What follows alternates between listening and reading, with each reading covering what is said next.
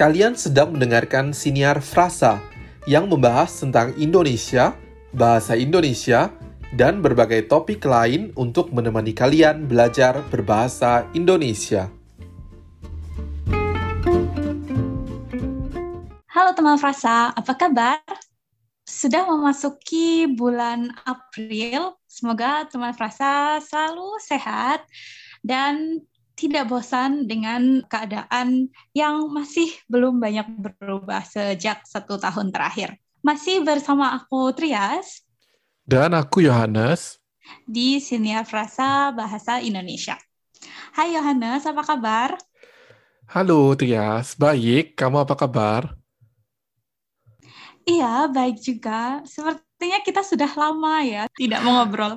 Iya, karena Ya, dua episode sebelumnya kita merekamnya berdekatan ya. Lalu ada jeda yang yeah. cukup panjang. Iya. Oke, okay, kita mulai dengan ada berita baru apa nih, Yo?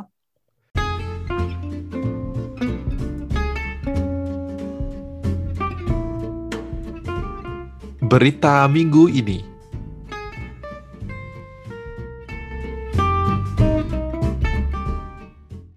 Ya, ada berita kali ini juga bukan berita yang rumit ya, bukan berita yang sulit dipahami atau uh, tetapi hanya sebuah berita tentang pernikahan seseorang yang cukup terkenal di Indonesia. Tentu kamu juga mengetahui beberapa hari yang lalu atau tepatnya hari Sabtu tanggal 3 April 2021 ada pernikahan dari uh, kalau tidak salah youtuber nomor satu di Indonesia yang bernama di ASEAN. oh bahkan nomor satu di ASEAN yang bernama yeah. Atta Halilintar. Dia baru saja melangsungkan pernikahannya dengan Aurel Hermansyah, seorang putri dari pasangan penyanyi ya, pasangan penyanyi yang juga terkenal di Indonesia. Nah, kenapa berita ini cukup heboh di Indonesia bukan karena dia adalah youtuber yang sangat terkenal, ya mungkin itu juga salah satunya, tapi yang menarik perhatian adalah Presiden Indonesia Joko Widodo beserta ibu negara dan Bapak Prabowo Subianto yang merupakan Menteri Pertahanan saat ini yang juga merupakan lawan dari Presiden Joko Widodo saat pemilu terakhir. Mereka berdua, Presiden Jokowi dan Bapak Prabowo, keduanya hadir dalam acara akad nikah ini. Dan yang lucu adalah akun Twitter dari uh, Sekretariat Negara akun resmi dari Sekretariat Negara mengunggah foto prosesi akad nikah dari uh, Atta dan Aurel ini. Jokowi sebagai seorang ya rakyat Indonesia juga tentu boleh menghadiri pernikahan siapa pun ya.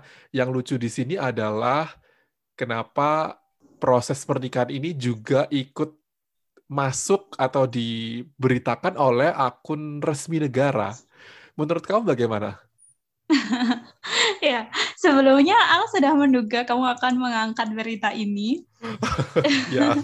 Karena memang sangat uh, ramai ya di Indonesia beberapa hari terakhir.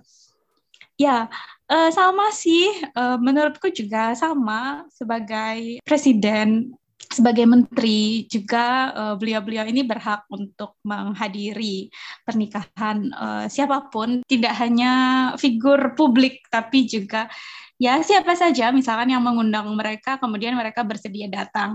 Tapi ya menurutku adalah kesalahan fatal ketika uh, kemudian berita ini diunggah juga kegiatan presiden ini diunggah di akun resmi sementara aktivitas itu tidak berkaitan sama sekali dengan penyelenggaraan pemerintahan. Dan aku mengira uh, setelah mendapatkan banyak sekali kecaman dan komentar dari warganet, uh, berita ini akan dihapus, tapi ternyata tidak ya. Iya, sampai hari ini, sampai, sampai beberapa jam yang ada. lalu, aku iya. melihatnya juga masih ada ternyata, tidak dihapus. Iya, jadi aku jadi aku menunggu. saja. jadi aku menunggu ya uh, mungkin ada klarifikasi atau mungkin ada alasan dibalik uh, diunggahnya berita ini di akun resmi negara? Tetapi ternyata tidak ya.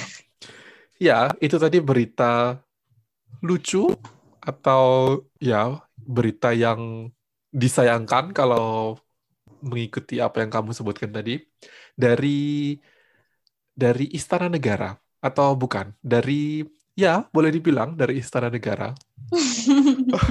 Iya melalui akun Twitternya ya. Iya. um, ya benar kamu bilang tadi beritanya cukup ringan dan juga di sisi lain menghibur ya. ya. Semoga nah, teman merasa terhibur.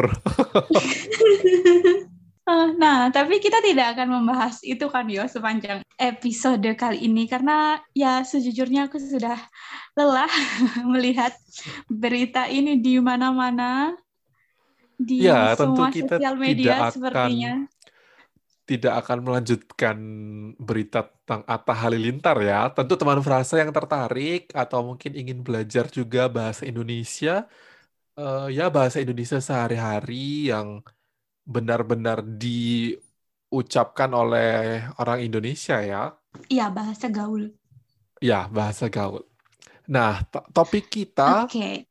tidak tentang YouTube atau tentang Jokowi, tapi ya ada hubungannya dengan ada hubungannya dengan Jokowi. Yaitu ada kita akan dengan Istana Negara membahas ya ada hubungan dengan istana negara masih berhubungan yaitu kita akan bahas tentang ibu kota Indonesia. Apa sih kenapa kita mau membahas ibu kota Indonesia? Bukannya ibu kota Indonesia itu ya ya sudah Jakarta. Titik selesai. Apa yang mau kita ceritakan? Ya uh, teman frasa semua pasti selain Bali Kota yang dikenal ya. di Indonesia adalah Jakarta sebagai ibu kota Indonesia. Nah, kali ini kami akan membahas uh, mengenai sejarah ibu kota Indonesia yang sempat berpindah-pindah, tidak hanya di Jakarta. Kemudian kita juga akan membicarakan uh, serba-serbi tentang Jakarta, Eh, dan yang terakhir kami akan membahas mengenai rencana pemindahan ibu kota Indonesia dari Jakarta ke Pulau Kalimantan. Jadi teman Frasa simak terus senior Frasa episode kali ini. Wah menarik ya sepertinya. Kita bisa mulai ke poin yang pertama yuk. Ya, jadi seperti yang tadi sudah aku sebutkan, kalau ibu kota Indonesia pernah berpindah, tidak di Jakarta. Nah, itu gimana sejarahnya? Ya, teman Frasa tentu tahu ya, Indonesia dulu dijajah oleh Belanda dalam waktu yang cukup lama, kemudian uh, pada tahun 1942 hingga kemerdekaan Indonesia pada 17 Agustus 1945, Indonesia dijajah oleh Jepang. Nah, pada hari kemerdekaan 17 Agustus 1945, Jakarta ditetapkan menjadi ibu kota Republik Indonesia secara de facto ya. Tapi tentu setelah Perang Dunia berakhir, Belanda masih menganggap Indonesia sebagai salah satu wilayahnya yang disebut sebagai Hindia Belanda. Nah, setelah Perang Dunia berakhir, tentara Belanda kembali datang ke Indonesia dan kemudian uh, menduduki Jakarta dan kemudian tentara Belanda dengan nama NICA atau Netherlands Indie Civil Administration menduduki Jakarta. Sehingga akhirnya ibu kota Indonesia harus dipindahkan secara sementara. Nah, dipindahkan ke mana ya itu? Ya, ke Yogyakarta. Masih kota di Pulau Jawa, dan mengapa uh, kemudian kota ini dipilih menjadi ibu kota sementara? Karena alasan yang paling mendasar pada saat itu adalah selain karena Jakarta sudah jatuh ke tangan Belanda, Yogyakarta dinilai paling siap dari segi ekonomi, politik, dan juga keamanannya untuk menjadi ibu kota negara. Hmm. Nah, oke. Okay. Uh, eh, lalu operasi militer ini atau yang dikenal sebagai agresi militer Belanda terjadi lagi ya Yo uh, ya. pada tahun 1948 ya uh, dan akhirnya mengakibatkan jatuhnya kota Yogyakarta ke tangan Belanda juga. Nah, langkah yang sama dilakukan oleh Presiden Soekarno yaitu uh, untuk memindahkan ibu kota negara dan kali ini pindahnya ke mana yuk? Kali ini pindah ke Pulau Sumatera ke kota Bukit Tinggi. Kali ini bukan hanya Yogyakarta yang jatuh ke tangan Belanda, tetapi Presiden dan Wakil Presiden Indonesia saat itu, yaitu Soekarno dan Muhammad Hatta, juga ditangkap ya dan diasingkan. Sehingga harus ada presiden sementara juga, tidak hanya ibu kota sementara, tapi juga ada presiden sementara, yaitu Syafruddin Prawina Negara saat itu pemerintahannya dikenal dengan nama Pemerintahan Darurat Republik Indonesia. Itu terjadi pada 19 Desember 1948 saat Indonesia masih berumur tiga tahun ya, masih sangat muda. Iya, tapi sudah berpindah ibu kotanya uh, dua kali. Iya. Lalu sampai kapan uh, Bukit Tinggi menjadi ibu kota negara sementara.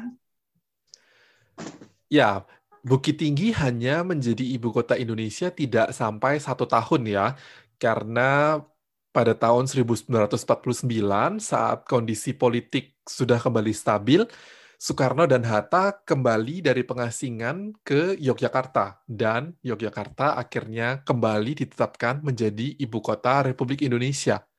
Tapi struktur Republik Indonesia saat itu berbeda dengan yang kita kenal saat ini. Karena saat itu Belanda membuat Indonesia menjadi Republik Indonesia Serikat.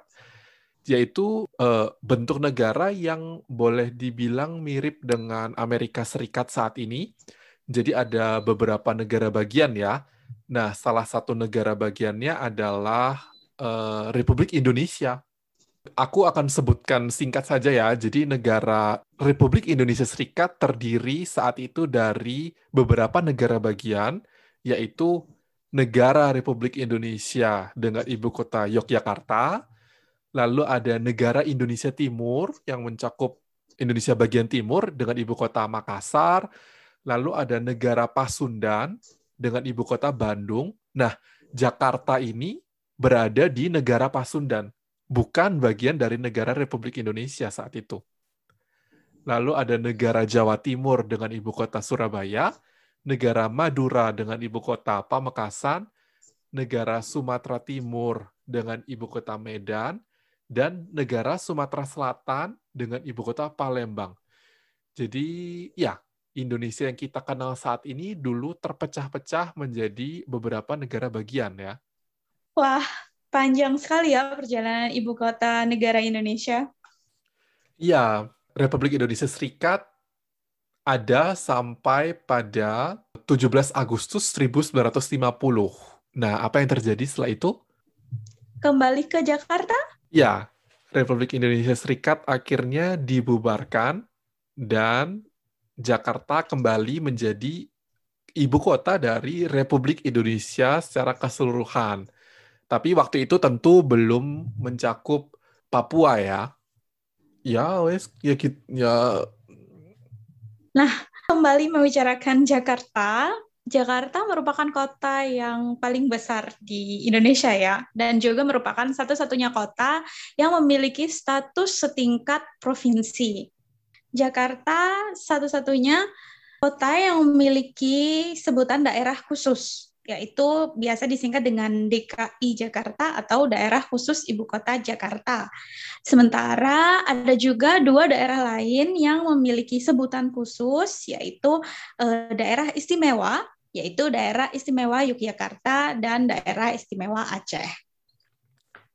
Ya, nah selain penamaan DKI Jakarta, kamu pernah tahu nggak sih ada ternyata yang menyebut The Big Durian untuk uh, membandingkan Indonesia dengan New York City sebagai The Big Apple. Oh, uh, aku baru dengar malah. Iya, aku juga baru tahu ternyata ada istilah The Big Durian. Ya, mungkin itu istilah dari orang asing ya. Mungkin orang Indonesia sendiri justru tidak banyak yang tahu. Iya ya, padahal ya durian memang besar. Tidak bisa kita bandingkan dengan apel. Mungkin iya. seharusnya dia bilangnya the big mangosteen. Iya, tentu nama durian ini diambil karena dianggap sebagai buah yang memang terkenal berasal dari Indonesia ya dan ya mungkin lebih lebih uh, menarik disebutkan the big durian daripada the big mangosteen ya. Atau rambutan. oh iya, bisa juga ya seharusnya the big rambutan. Oke, okay. um, menarik banget ya. Ini langsung aku uh, cari di Google. oh, ya.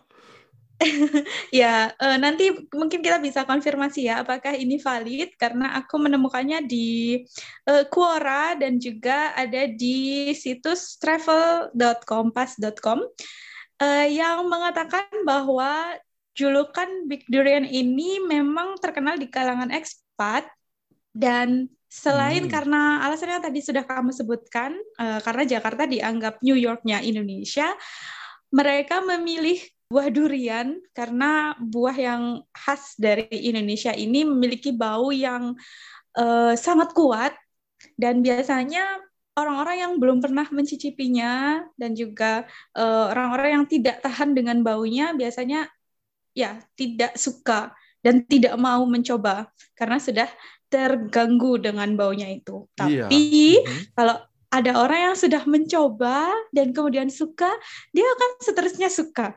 Jadi eh, Jakarta diumpamakan seperti durian ini. Ada orang yang sudah mengenalnya dan sangat suka, tapi ada juga orang yang tidak suka sama sekali. Jadi tidak ada di tengah-tengahnya. Uh, ada disebutkan di sini kalau tidak cinta ya pasti benci. Tidak ada hal di tengah-tengah gitu. Hmm, iya ya, aku setuju sih. Jakarta itu memang cuma bisa dicintai atau dibenci ya. itu tadi sedikit hal lucu tentang penamaan Jakarta, tapi sebenarnya kota ini tidak dari dulu bernama Jakarta ya. Apa sih nama-nama kota ini sebelumnya? Uh, yang aku tahu pernah bernama Batavia, lalu juga pernah bernama Jayakarta, tapi uh, aku sejarahnya jelek nih yo. Aku kurang ingat urutannya yang mana dulu. Iya, kota ini dulu sekali pada abad keempat atau abad kelima sudah dinamai Sunda Kelapa sampai kurang oh, lebih iya. abad ke-16. Mulai abad ke-16 mulai disebut sebagai nama Jayakarta seperti yang kamu sebutkan tadi ya. Uh, di bawah pemerintahan raja kerajaan Islam saat itu ya. Kalau tidak salah mungkin kerajaan Demak atau ya di bawah kepemimpinan Fatahillah saat itu. Kemudian muncullah nama Batavia. Kalau tidak salah nama Batavia ini diberikan oleh orang Belanda justru ya. Mereka meng mengubah namanya menjadi Batavia hingga tahun 1942 saat Belanda diusir dari Indonesia. Sejak itulah uh, kota ini menjadi bernama Jakarta sampai saat ini. Oke, mengingatkanku pada sejarah uh, pelajaran sejarah masa SD. iya, kamu punya fakta apa lagi nih yang menarik tentang kota Jakarta? Tentang kota Jakarta, uh, mungkin dari pengalamanku ya, karena aku belum sampai tahap uh, mencintai atau membenci itu tadi. Oke. Okay.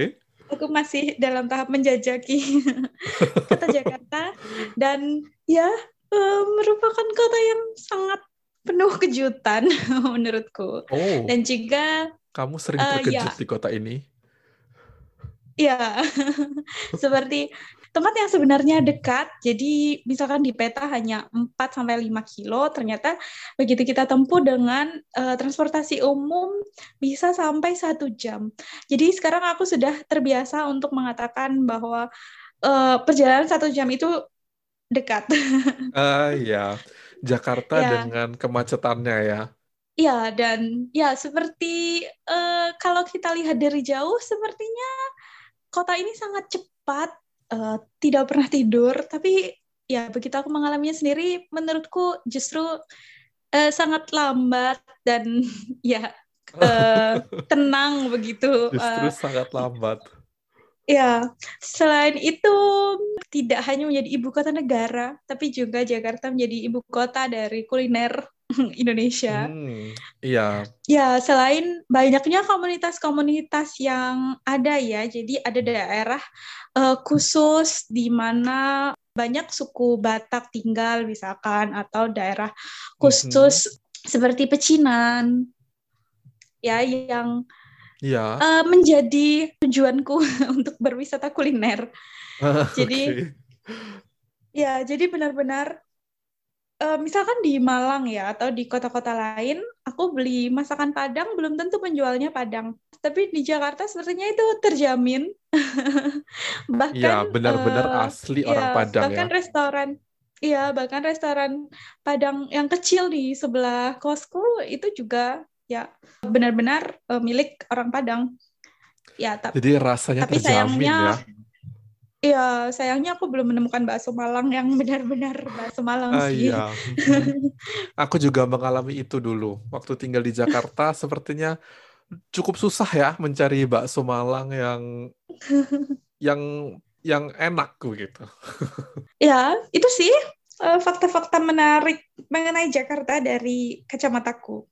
Oke, melanjutkan sedikit tentang kemacetan Jakarta tadi kalau kita melihat dari statistiknya, penduduk Jakarta sebenarnya hanya dalam tanda kutip ya, hanya 10 juta jiwa yang ya tentu dibandingkan dengan banyak kota di dunia termasuk besar, tapi wilayah penyangga ibu kota atau biasa disebut dengan Jabodetabek, Jakarta, Bogor, Depok, Tangerang, dan Bekasi itu memiliki penduduk sekitar 28 juta jiwa atau hampir tiga kali lipatnya. Aku pernah mendengar ada orang yang bilang, ya Jakarta itu penduduknya 10 juta jiwa hanya waktu malam.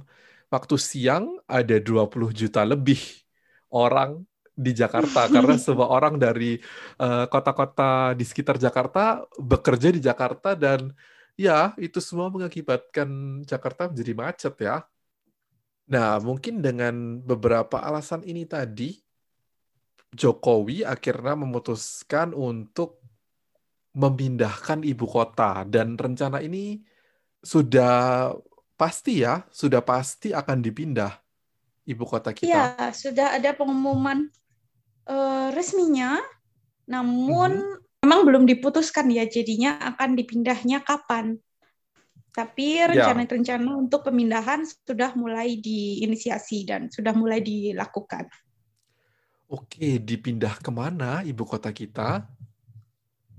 Kalau tadi e, ibu kota sudah pernah berpindah ke Yogyakarta yang di Pulau Jawa, kemudian juga pernah ke Pulau Sumatera, kali ini akan dipindahkan ke Pulau Kalimantan.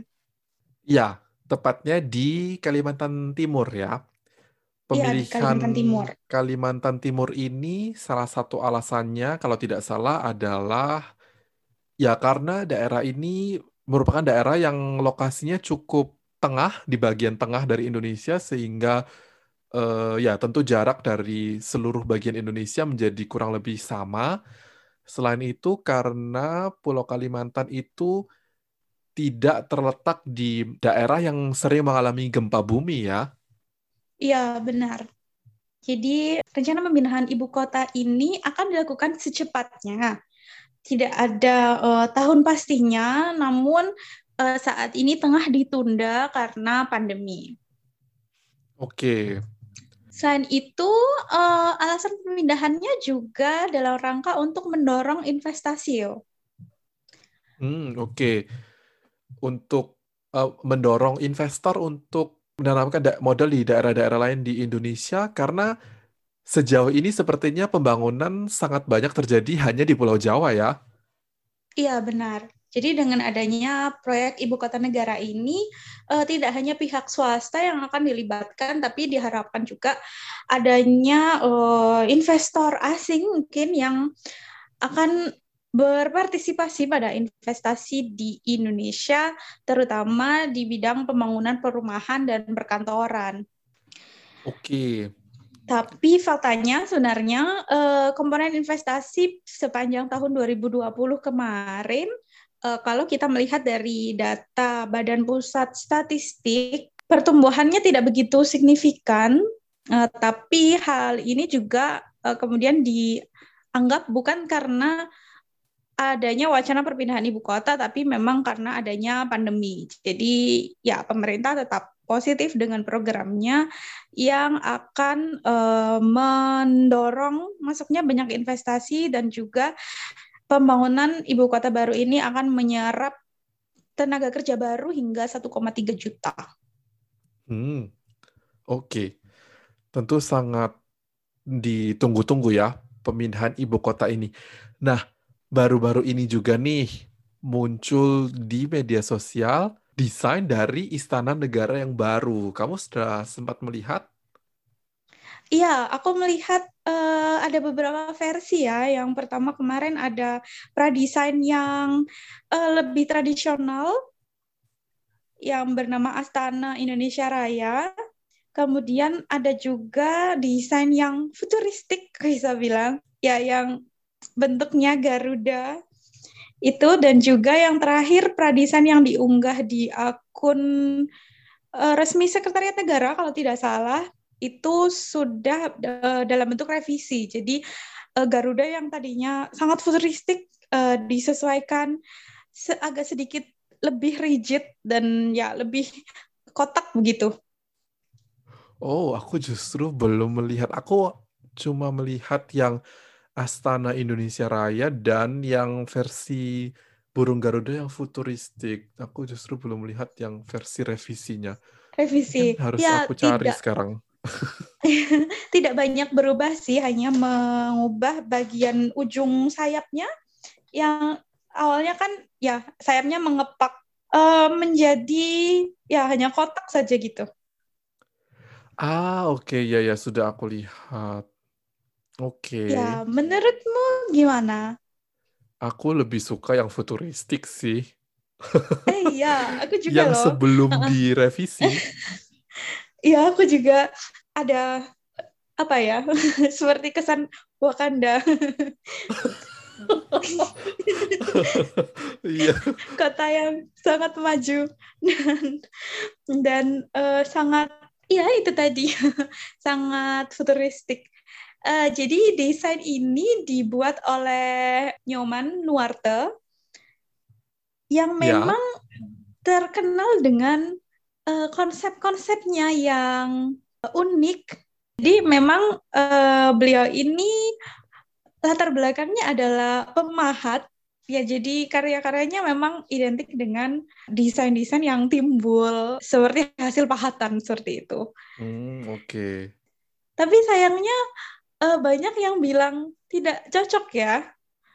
Iya. Uh, banyak yang bilang kalau aku melihat dari komentar-komentarnya ingin mempertahankan wujud istana negara yang historis, uh, yang menggunakan desain yang terinspirasi dari bangunan-bangunan Eropa pada masa uh, lampau seperti itu. Tapi ya seperti yang kamu bilang tadi, aku sangat suka dengan desainnya. Iya, aku justru merasa uh, ya kenapa harus mengikuti desain uh, ala Eropa dan lain sebagainya. Kenapa ya sekalian saja kita ambil desain yang futuristik jadi negara pertama yang uh, istana negaranya benar-benar wah seperti wah. cocok untuk di tahun 2100 ya. Kamu tahu ini enggak? Patung Garuda Wisnu Kencana yang ada di Bali? Patung yang paling tinggi di Bali, hmm, monumen yang paling tinggi itu juga karya dari Nyoman Warte. Ah oke okay. dari orang yang sama ya. Oh iya ya aku yeah. tahu patung ini. Iya. Hmm. Ya ketakutanku sih hanya akhirnya nanti daerah sekitar Istana Negara akan ramai untuk uh, berfoto. ah iya.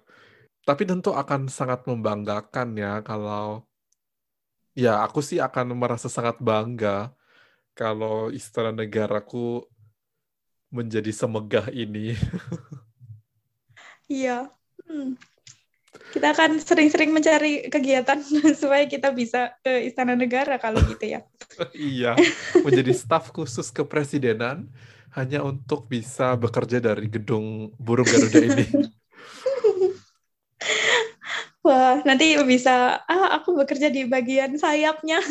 Oh iya, di sayap kiri, sayap kanan. Selain desain Istana Negara, kamu juga sudah melihat desain uh, sekitarnya? Uh, ya, aku barusan melihat desain yang sudah direvisi ya. Ini sepertinya daerah perkotaan di sekitarnya yang juga sangat futuristik ya, boleh dibilang. Tapi tetap seimbang menurutku dengan uh, alam cukup banyak daerah yang cukup banyak daerah hijau di sekitarnya. Jadi ya aku merasa ini sih kota ideal ya untuk bekerja dan untuk tinggal. Karena kalau kita bandingkan dengan Jakarta sekarang kan di Jakarta kita sulit untuk jalan kaki ya tidak terlalu nyaman. Sementara di tempat ini sepertinya kita bisa hidup tanpa memiliki kendaraan pribadi sepertinya. Iya, ya memang terlihat seperti sangat utopis ya, tapi semoga ya. memang bisa menjadi kenyataan. Iya, semoga ya. Nah, teman frasa, apakah teman frasa juga sudah mengetahui wacana pemindahan ibu kota Indonesia ke Kalimantan? Dan apakah teman frasa juga sudah melihat desain baru dari ibu kota Indonesia ini. Bagaimana menurut teman-teman? Teman-teman dapat membagikan pendapat teman-teman melalui surel ke kontak frasa at gmail.com atau melalui pesan suara ke akun Anchor kami. Kami tunggu ya pendapat teman-teman.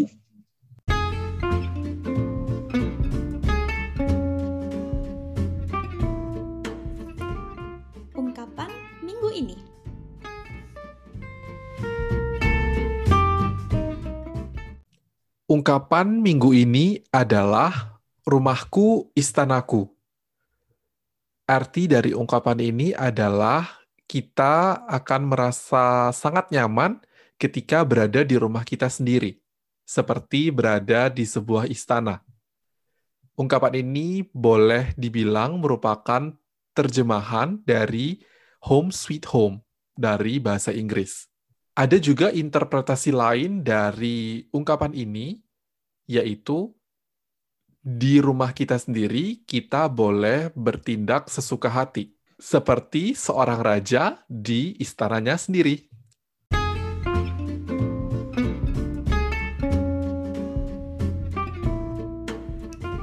Rekomendasi minggu ini.